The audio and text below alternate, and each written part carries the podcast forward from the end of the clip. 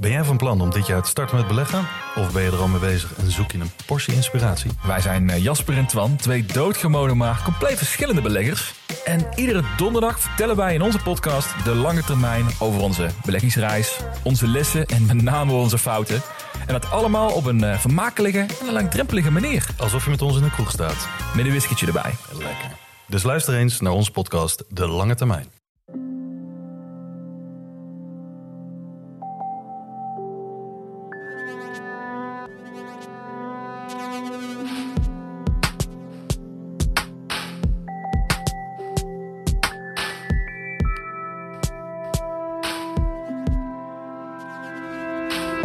Hey, ik ben Pieter van Relaas. In Relaas hoor je waar gebeurde verhalen en die worden verteld door de mensen die ze zelf hebben meegemaakt. Jurgens verhaal dat gaat over onthechting. Loslaten, het loslaten van je oude vertrouwde omgeving, je warme nest waar je normaal gezien geen vragen over stelt, waar je alles als waarheid aanneemt, dat loslaten. Op een bepaald moment bouw je dan je eigen waarden uit en je eigen ideeën en dan moet je kiezen. Wat hou ik over uit mijn jeugd en waar sla ik zelf een nieuwe weg in? We luisteren naar het verhaal van Jurgen.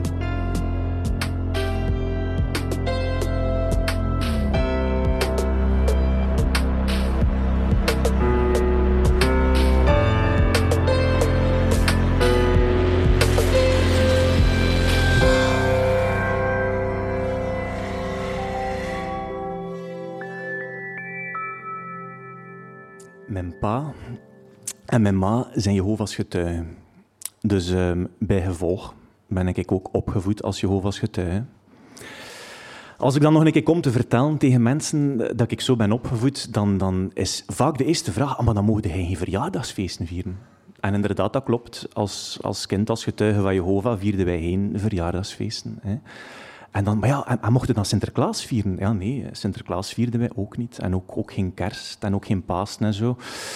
Ehm, maar ik, moet, kan niet zeggen dat ik daar echt eh, zware trauma's heb van opgelopen als, als kind eigenlijk. eh. Eh, ik herinner mij wel dat ik bijvoorbeeld wel vrij gefascineerd was door Sinterklaas. Ik wou altijd heel graag een Sinterklaas tekenen, maar dat mocht niet van mijn ma. En dan heb ik echt lang gezegd van, mag ik nu toch een keer een Sinterklaas tekenen? En toen mocht dat. En dat was, was een vrij bevredigend gevoel eigenlijk. En ik kan me ook zo nog een, een moment herinneren in het eerste studiejaar bij juffrouw Jeannette. Het was het grote Sinterklaasfeest. En al de kinderen gingen gingen naar de feestzaal van de school. En ik mocht alleen achterblijven in de klas.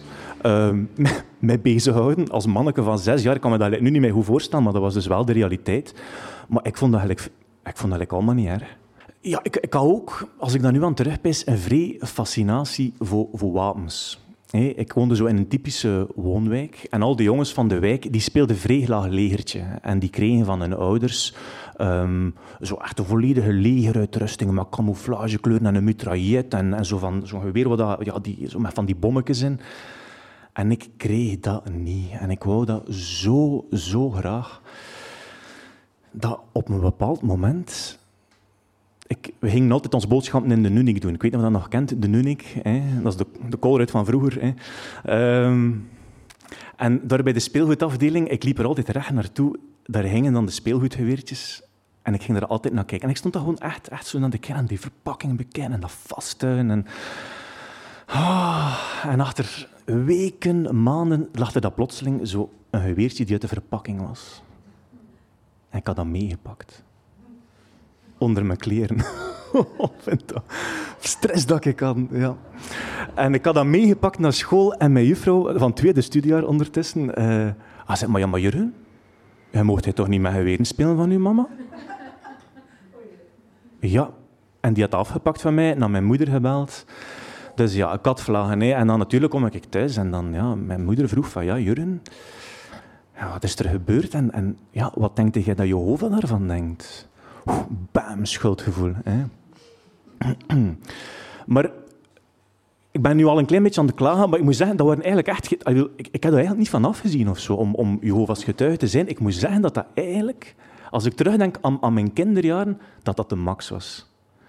Ik, ik ben eigenlijk opgegroeid in een bad van, van zekerheid.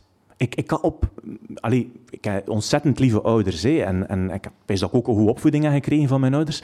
Maar ik, en mijn moeder had op elke vraag had die een antwoord. Op, op, op waarom is er ellende in de wereld? Waarom gebeurt dit? Wat gebeurt er als je doodgaat? Ja, typische religie. En, en als, als kind, dat was... Ja, je, je groeit erin op, je weet van niet anders. Dat is de absolute waarheid. Dus dat was een bad van zekerheid waar dat in opgroeit. En, en zelfs in die mate dat ik me eigenlijk superieur voelde. Want, want ik wist de waarheid. Ik wist hoe dat in elkaar zat. En ik keek eigenlijk zelfs een beetje neer, zelfs op die leeftijd, zo op mijn klasgenootjes, van oh, Sinterklaas. Oh, ik weet dat dat niet bestaat. Het is zelfs een keer geweest, uh, in de kleuterklas moest mijn, moest mijn moeder naar school gaan. En ik moest ermee stoppen met rond te vertellen dat Sinterklaas niet bestond. Ja, maar goed, ik heb dat mijn mond gehouden, ik heb dat dan voor mezelf gehouden. Maar um, ja, dat beheerste wel mijn leven, maar niet op een onaangename manier eigenlijk, moet ik zeggen. Um, maar ja, je, je groeit op. Hè. De, de, tijd gaat vooruit. Je komt in, in je puberteit. En natuurlijk, ja, er zijn een aantal uh, leefregels waar dat je moet houden. Nee, het, is, het is een vrij strikt geloof. Um, en ik herinner me nog, er was zo... Uh, je weet wel, als je als getuigen bij aan de, aan de deur komen, die brengen zo boekjes rond, een wachttoren en een ontwaakt. En, en die hebben nog een hele wow, een hele bibliotheek vol met allemaal verschillende boeken over verschillende thema's. En één van die boeken, dat was een blauw boekje, dat heette Jonge Mensen Vragen. En dat, ging, ja, dat was specifiek gericht naar jonge mensen over allerlei thema's. Eh, drugs, alcohol, tabak, seks voor het huwelijk, masturberen en, en heel de ruttemetut. Ja, en ja, al die dingen mochten uiteraard niet. Dat, was, dat werd niet getolereerd door God. Dat was zondig. Maar natuurlijk, ja, je komt in je puberteit en, en dat, uh, ja, dat begint wel te kriebelen. Hè. En uh, moet zeggen, ja, op een bepaald moment is die verleiding dan toch te groot. En dan, dan ik weet niet of je nog die catalogussen van de Neckerman en van de Troissus kent van vroeger. Dat is een beetje de, de, de fysieke bol.com van vroeger eigenlijk. En op een bepaald moment heb je toch een vrij innige relatie gehad met de lingerieafdeling van de Neckerman eigenlijk. Maar moet je wel voorstellen, dus, dus, dat gebeurde dan, maar dat was altijd met een vrij lange naloop. Van, ik ga het niet doen, ik ga het niet doen, ik ga het niet doen. En dan, oh, en echt, en dan, dan gebeurde het toch. En ah, dan voelde ik me schuldig, schuldig. En ik kan me nog herinneren, op, in mijn puberteit gingen we dan van het ene huis verhuizen naar het andere huis. En ik kan met mezelf afgesproken, als we naar mijn nieuw huis verhuizen, dan ga ik het nooit meer doen. Echt. echt. Ik was 16 ik kan dat echt zeer twee maanden volhouden. Ja maar goed, ja, dat was dus niet voltijd. Maar, um, maar natuurlijk, ja, je groeit op. Je groeit op in die zekerheid die, die, die ik eigenlijk altijd als zeer aangenaam heb ervaren en ook mij zo herinner. Maar je bent toch vragen te stellen. Hè? Um, ik, ik, ik, ik, ging vrij graag naar school en ik had een ongelooflijk interesse in, in, wetenschap, in fysica, chemie, wiskunde. Ik deed allemaal vrij graag. Um, maar ja, ik geloofde dus ook in, de, in, in scheppingsverhaal. Echt, echt het klassieke scheppingsverhaal. Adam en Eva, de eerste mens op aarde. Satan, uh, die naar, naar, naar de aarde komt, transformeert als slang en dan de mens verleidt. En, en, dat, en ik kon dat beargumenteren van hier tot in Tokio. En ik herinner me een moment in de les biologie dat ik, dat, dat, dat ik heel de klas tegen mij had en dat ik me bleef gaan voor dat scheppingsverhaal. En ik kon het echt verdedigen met vuur, maar toch, je, had, je had daar vrij tegen, in, de naval. En eigenlijk hoe meer tegenstand dat je krijgt, hoe, hoe, feller dat je eigenlijk in je overtuiging gaat. Um, maar toch, ja, het, het, het zijpelde wel binnen. Hè. Die, die, die kritiek die je krijgt, of die vragen die worden gesteld. En, en je verweert je wel, maar ja, dan denk je toch een keer bij jezelf van, ah ja, hoe, zit dat? En je gaat met die vragen dan in je geloofsgemeenschap. Hè, uh, want je hebt daar de ouderlingen, de, de herders van de kudde. Um, en dan kwam ik met, met mijn vragen bij hen terecht en, en kreeg daar nooit geen bevredigend antwoord op. Dus ja, zo de... Ik kan niet zeggen dat er twijfel binnen sijpelt, maar dat is zo, zo een, een, elementje. Nee? Zo, eh, er komen wat vragen en, en er komt zo niet echt een, een, een antwoord op. En mijn moeder die heeft mij wel altijd gestimuleerd om van alles te doen. En dat, eigenlijk hoorde dat niet zo echt bij de Jehovah's getuigen. Wat hebt, hebt ook binnen de Jehovah's getuigen en de mensen die er hardcore voor gaan. En hebt ook meer gematigde mensen, hè, eh, die toch nog in zekere zin voor zichzelf denken. En ik, ik mijn moeder hoort daar wel bij. En, en ik mocht naar de muziekschool gaan. En ik mocht in de zomer ook een keer op paardenkamp gaan en zo. En, en mijn moeder vroeger, als kind, was zij geen Jehovah's getuige, zat ze bij de Giro. En zij wou me vrij graag in de jeugdbeweging krijgen. Hè. Eh, en ze zei van, Jurgen, je moet een animatorcursus doen. En ik zag dat echt niet zitten om een animatorcursus te doen. Maar ja, mama, dat is toch niks voor mij, waarom moet ik dat doen? En, ze bleef maar aandringen. En op een bepaald moment ben ik overstag gegaan. En ben ik die animatorcursus gaan doen. Dat was bij Krefi. En ik had er niet veel zin in, maar dat was voor mij dat was een bom. Dat sloeg in als een bom. En, en wat dat er zo naar voren springt, dat, dat was een heel fijne week met heel veel warmte en samenwerking en liefde. En, en, ik dacht, maar dat is niet alleen bij de Jehovah's getuigen dat dat, dat, dat, dat eigenlijk ook vrij warm. Want dat is een heel warme organisatie. Mensen zorgen ook echt goed voor elkaar. Hè. En, en, maar dat was, en dat was ook zoiets... Maar, dus, want je krijgt zo'n beeld in de wereld, de wereldse mensen, hè, buiten het geloof. Ja, daar is het kommer en kwel, daar is het, daar is het slecht. Dat die mensen leven in zonde. Hè. Ja, een tekst die veel werd geciteerd, slechte omgang bederft nuttige gewoonte. Dus je, moest, je ging wel naar school, je ging naar je werk, maar voor de rest bleef je zoveel mogelijk in je eigen gemeenschap natuurlijk. Maar toch, ik, ik, kreeg die kans van mijn moeder om, om, om een keer dat kamp te doen. En dat verschoof ook wel zoiets in mijn hoofd. Ik ben er ook voor de eerste keer verliefd geworden. Dat zal er misschien ook wel iets mee te maken hebben. Um, maar als ik terugdenk, wat heeft er misschien nog het meest voor gezorgd... je voelt mij al een beetje komen. De clue is dat ik Jehovah's getuige niet meer ben. Nee, maar... Um, wat heeft er het meest voor gezorgd dat, dat er iets geschift is in mijn hoofd? Ik had op dat moment... Ja, mijn beste maat, de Tommy, uh, was een gast in mijn klas en die was Jehovah's getuige. Maar ik, weet niet, iets wat ik nog altijd vrij apprecieer aan hem en, en wat hij toen heel hard... Die was, die was ongelooflijk open als 16-jarige gast zo super oordeelloos. En, en die wou echt, die, die, die wou dan snappen van Jurgen, leg me dan een keer uit, hoe, wat geloofde hij nu precies? En hoe zit dat? En ik mocht hem dat uitleggen, en heuren en kleuren, met de Bijbel erbij en de wachtwoorden en ontwaakt. En, en die pakte dat mee naar huis en die las dat. En die nam dat in zich op. En ik voelde, die, die wou eigenlijk echt snappen van, van wat, geloofde hij nu? Maar die snapte dat maar niet. Dat kwam er niet binnen. En, en vooral toen dat hij vraagt, maar ja, de klassieke vraag van waarom laat God al dit lijden toe? Ze hebben er ook een speciaal boek over, waar dat er een antwoord op wordt gegeven. En ik kon dat antwoord vrij goed formuleren, maar doordat, doordat ik dat zoveel keer opnieuw moest uitleggen aan van waarom dat God nu eigenlijk al dat lijden toelaat, dat dat te maken had met Satan die jaloers was en dan ja, de mens had verleid en dan moest uh, God bewijzen aan de mens. Heel... En dan viel me dat te binnen, maar maar dat is like, toch raar eigenlijk. Hè? Dat is toch zo'n zo absurd antwoord eigenlijk op die vraag. En dat, ja, dat, dat, kwam zo binnen. En, dat waren zo allemaal stukjes van de puzzel die werden gelegd en die zorgden toch voor een soort shift of verandering. Maar, maar dat was niet bewust. Want ik had het gevoel dat op dat moment dat ik een beetje een dubbele persoonlijkheid had. Dus dat, dat, dat had mijn, mijn leven als gelovige. Ik ging mee naar de koninkrijkszaal en ik ging van deur tot deur het geloof verkondigen. En, en ik was echt gelovig, maar tegelijkertijd... Ja, ik was puber en, en ik had ook wel zin om een keer uit te gaan en... en ja, zo de wereld ontdekken. En ik zat ook wel met vragen. Ik was echt ik was vrij gefascineerd door wetenschap. En dat, dat, dat die twee sporen zaten in mij, maar die, die hadden niks met elkaar te maken. Ik kon gelijk in het ene spoor zitten en totaal niet aan het andere dingen. En dat gaf geen conflict in mijn hoofd. Dus kreeg ik zo, ja, ja zo'n beetje een gespleten persoonlijkheid. Maar er was een avond dat die twee sporen te kwamen. En ehm, toen ik een jaar of 16, 17 was, um, deed ik zo een weekendjobje. Uh, dat was op de baan van, van Torhout naar Roeselaar.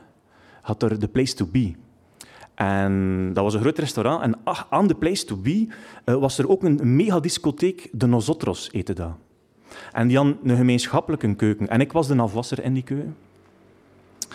En in het begin deed ik braaf een job. Uh, meestal was ik zo klaar tegen rond ja, de 11, de 12. Maar soms was er ook een, een huwelijk. En kost kon dat echt zo tot ten drie en te vier s'nachts duren. Dus er was wat marge. Hè. En na een tijdje, ja, van, ik wou gelijk wel een keer een pintje gaan drinken met mijn maat en zo. En, en dat mocht niet van, van mijn moeder. Dus ja, kom, achter, achter dat ik naf was gedaan, een pintje gaan drinken. En de volgende week ja, twee pintjes van drinken. eh, en drie pintjes van drinken. En dan een keer een vijfje doen en zo. En dan moest ik weer een keer een trouwfeest doen, dus moest ik super lang werken. Maar dat, dat wisselde zo af. Hè. En, eh, ja, en kon ondertussen ook die gasten leren kennen in dat, restaurant die daar werkten. En meestal achter de shift ging zij nog eh, de bloemetjes buiten zetten in de nosotros. Hoe gaan dansen op de techno.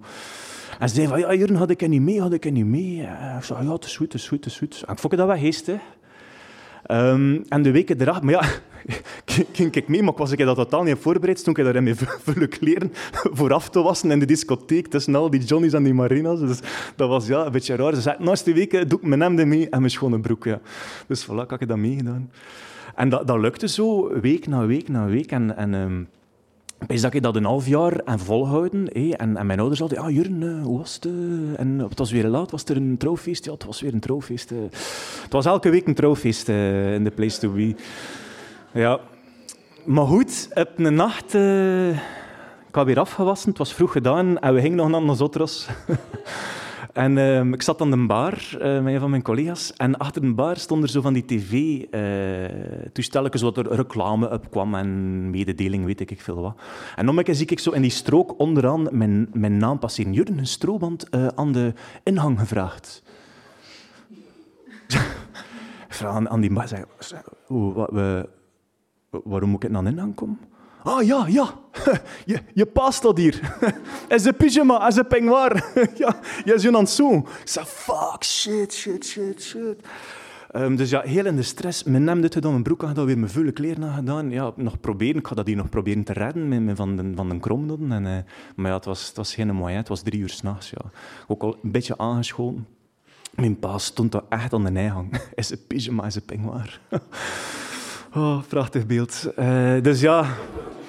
Ja, die was, die was verscholen natuurlijk. Hey, ja, je was hier een twee of drie s'nachts opgestaan en gezien, ah, gezien dat ik niet in mijn bed lag. Had die naar mijn werk gebeld. Ja, Jurgen is hier al uren vertrokken, weet niet waar dat hij zit. Uh, dus ja. Um, dus ja, is verschoten. Ik mee in de auto. Doodse stilte, gespannen sfeer. Wow, fuck, wat gaat dat hier worden? Kom ik tussen en mijn moeder zit daar in de zetel te vieren s'nachts. En natuurlijk, Jurgen, waar heb je gezien? Nou, wat heb je gedaan? Nou, kom hij erbij, wordt super onrust. Maar allee, zo de, ja, je kent dat, hé. zo ouders die verschoten zijn, die onrust en die even moeten uh, afreageren. Maar bij nog geen vijf minuten daarachter val, kijkt mijn moeder zo naar mij en zegt ze, Jurgen, maar wat, wat pees je eigenlijk dat Jehovah daarvan denkt? en op dat moment dat was like of dat ik een slag van de namer kreeg.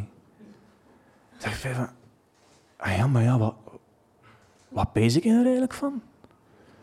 En toen heb ik voor de eerste keer gezegd, en ik had dat nog nooit eerder zelf bedacht, toen heb ik dat voor de eerste keer gezegd van, ja, ik zie ik eigenlijk niet heel zeer, of, of dat ik dat wel geloven eigenlijk. Ik weet het niet, ik weet het niet. En vanaf dat, ja, al de kwaadheid en ongerustheid was weg. Het ging totaal niet meer over het feit dat ik in Nosotros had gezeten.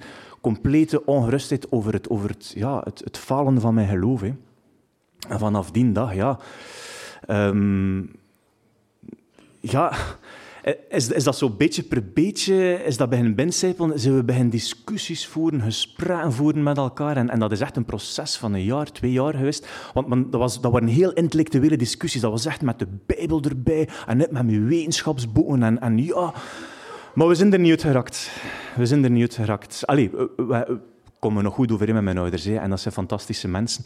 Maar dan op een bepaald moment, als ik moest gaan studeren... Um, was het goed dat ik op kot ben gegaan. En dan, dan hebben we een beetje kunnen, een beetje kunnen afstand nemen. En dat is, dat is wel goed geweest, eigenlijk. Uh, want het zat, zat, er toch wel nog zo'n raar kantje aan. Want op het moment... Ik vertel dat nu misschien een beetje al lachend, eigenlijk. Hè, maar het moment dat je van dat geloof valt... En dat, hebt nooit niks anders gehad dan dat als je complete realiteit... Ik kon dat echt niet aan. Ik kon dat echt niet aan. Ik heb op die vraag van bestaat God nu of bestaat hij niet, ik werd er onnozel van. Er is een punt geweest dat ik dacht van oké, ik, ik, kan het niet meer aan, ik heb er genoeg van, ik, allez, ik stop ermee, ik, ik stap uit het leven eigenlijk. En, en, maar ik heb dat nooit verteld thuis.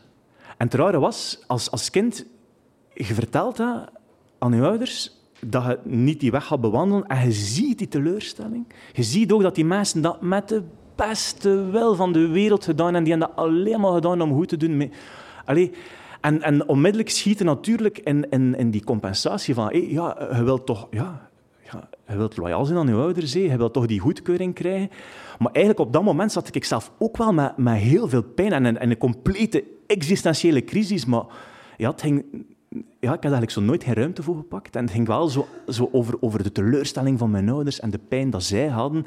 En, en dat is iets wat ik dan achteraf wel nog geworsteld mee heb. maar ik ben nu ondertussen 38. Dus ik, ik, heb zo'n paar therapie achter de rug. Het is, het gewoon afgerond. Maar wat ik wel nog merk, waar dat met dat parten speelt, ik, ik, toch op een of andere manier mis ik dat bad van zekerheid nog altijd een beetje. Zo antwoord dan op al, al uw vragen, dat is, dat is fantastisch. ik ken nu zelf een dochter en ik ben niet gelovig. En als ze ziet, gaat bij hen vragen stellen van, van pa, die toestand hier, ook, wat is dat? Ik weet nog altijd niet goed wat ik moet eigenlijk.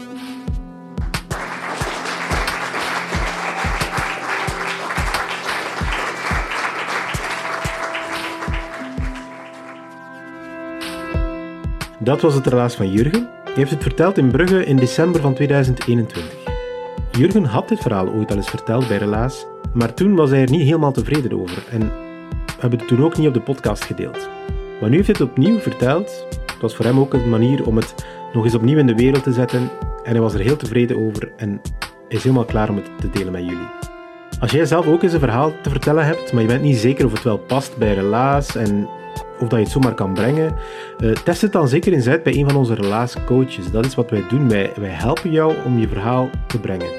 We luisteren ernaar, we geven tips, uh, we maken het beter samen met jou en we begeleiden jou dan ook stuk voor stuk tot het klaar is om het op een relatiepodium te vertellen. Relaas bestaat dankzij een hele groep vrijwilligers. Mensen die verhalen zoeken, begeleiden, ze op een podium zetten, ze opnemen en ze dan ook nog eens verspreiden. En dat doen we in Gent, Brugge en Antwerpen. Onze relaasmedewerkers die zijn fantastisch en die zitten overal in Vlaanderen om jou te helpen. Verder is het ook belangrijk om te zeggen dat Relaas steun krijgt van de afdeling cultuur van de Vlaamse gemeenschap en die van de stad Gent. Onze illustratoren die zijn van Pulp Deluxe en onze partners zijn verder Chase, Urgent FM en Huzet. Als je zelf een verhaal hebt voor Relaas, laat het ons dan weten via onze website. Als er volgens ons een vervolg aan hangt, dan contacteert een van onze relaascoaches jou om verder te gaan met jouw verhaal. En als je dit verhaal graag hoorde, wil je het dan doorsturen naar iemand aan wie je moest denken toen je het hoorde? Dat zorgt ervoor dat wij kunnen groeien als podcast en tegelijkertijd kan jij aan iemand tonen dat je aan die persoon gedacht hebt. Dankjewel om te luisteren en tot de volgende relaas.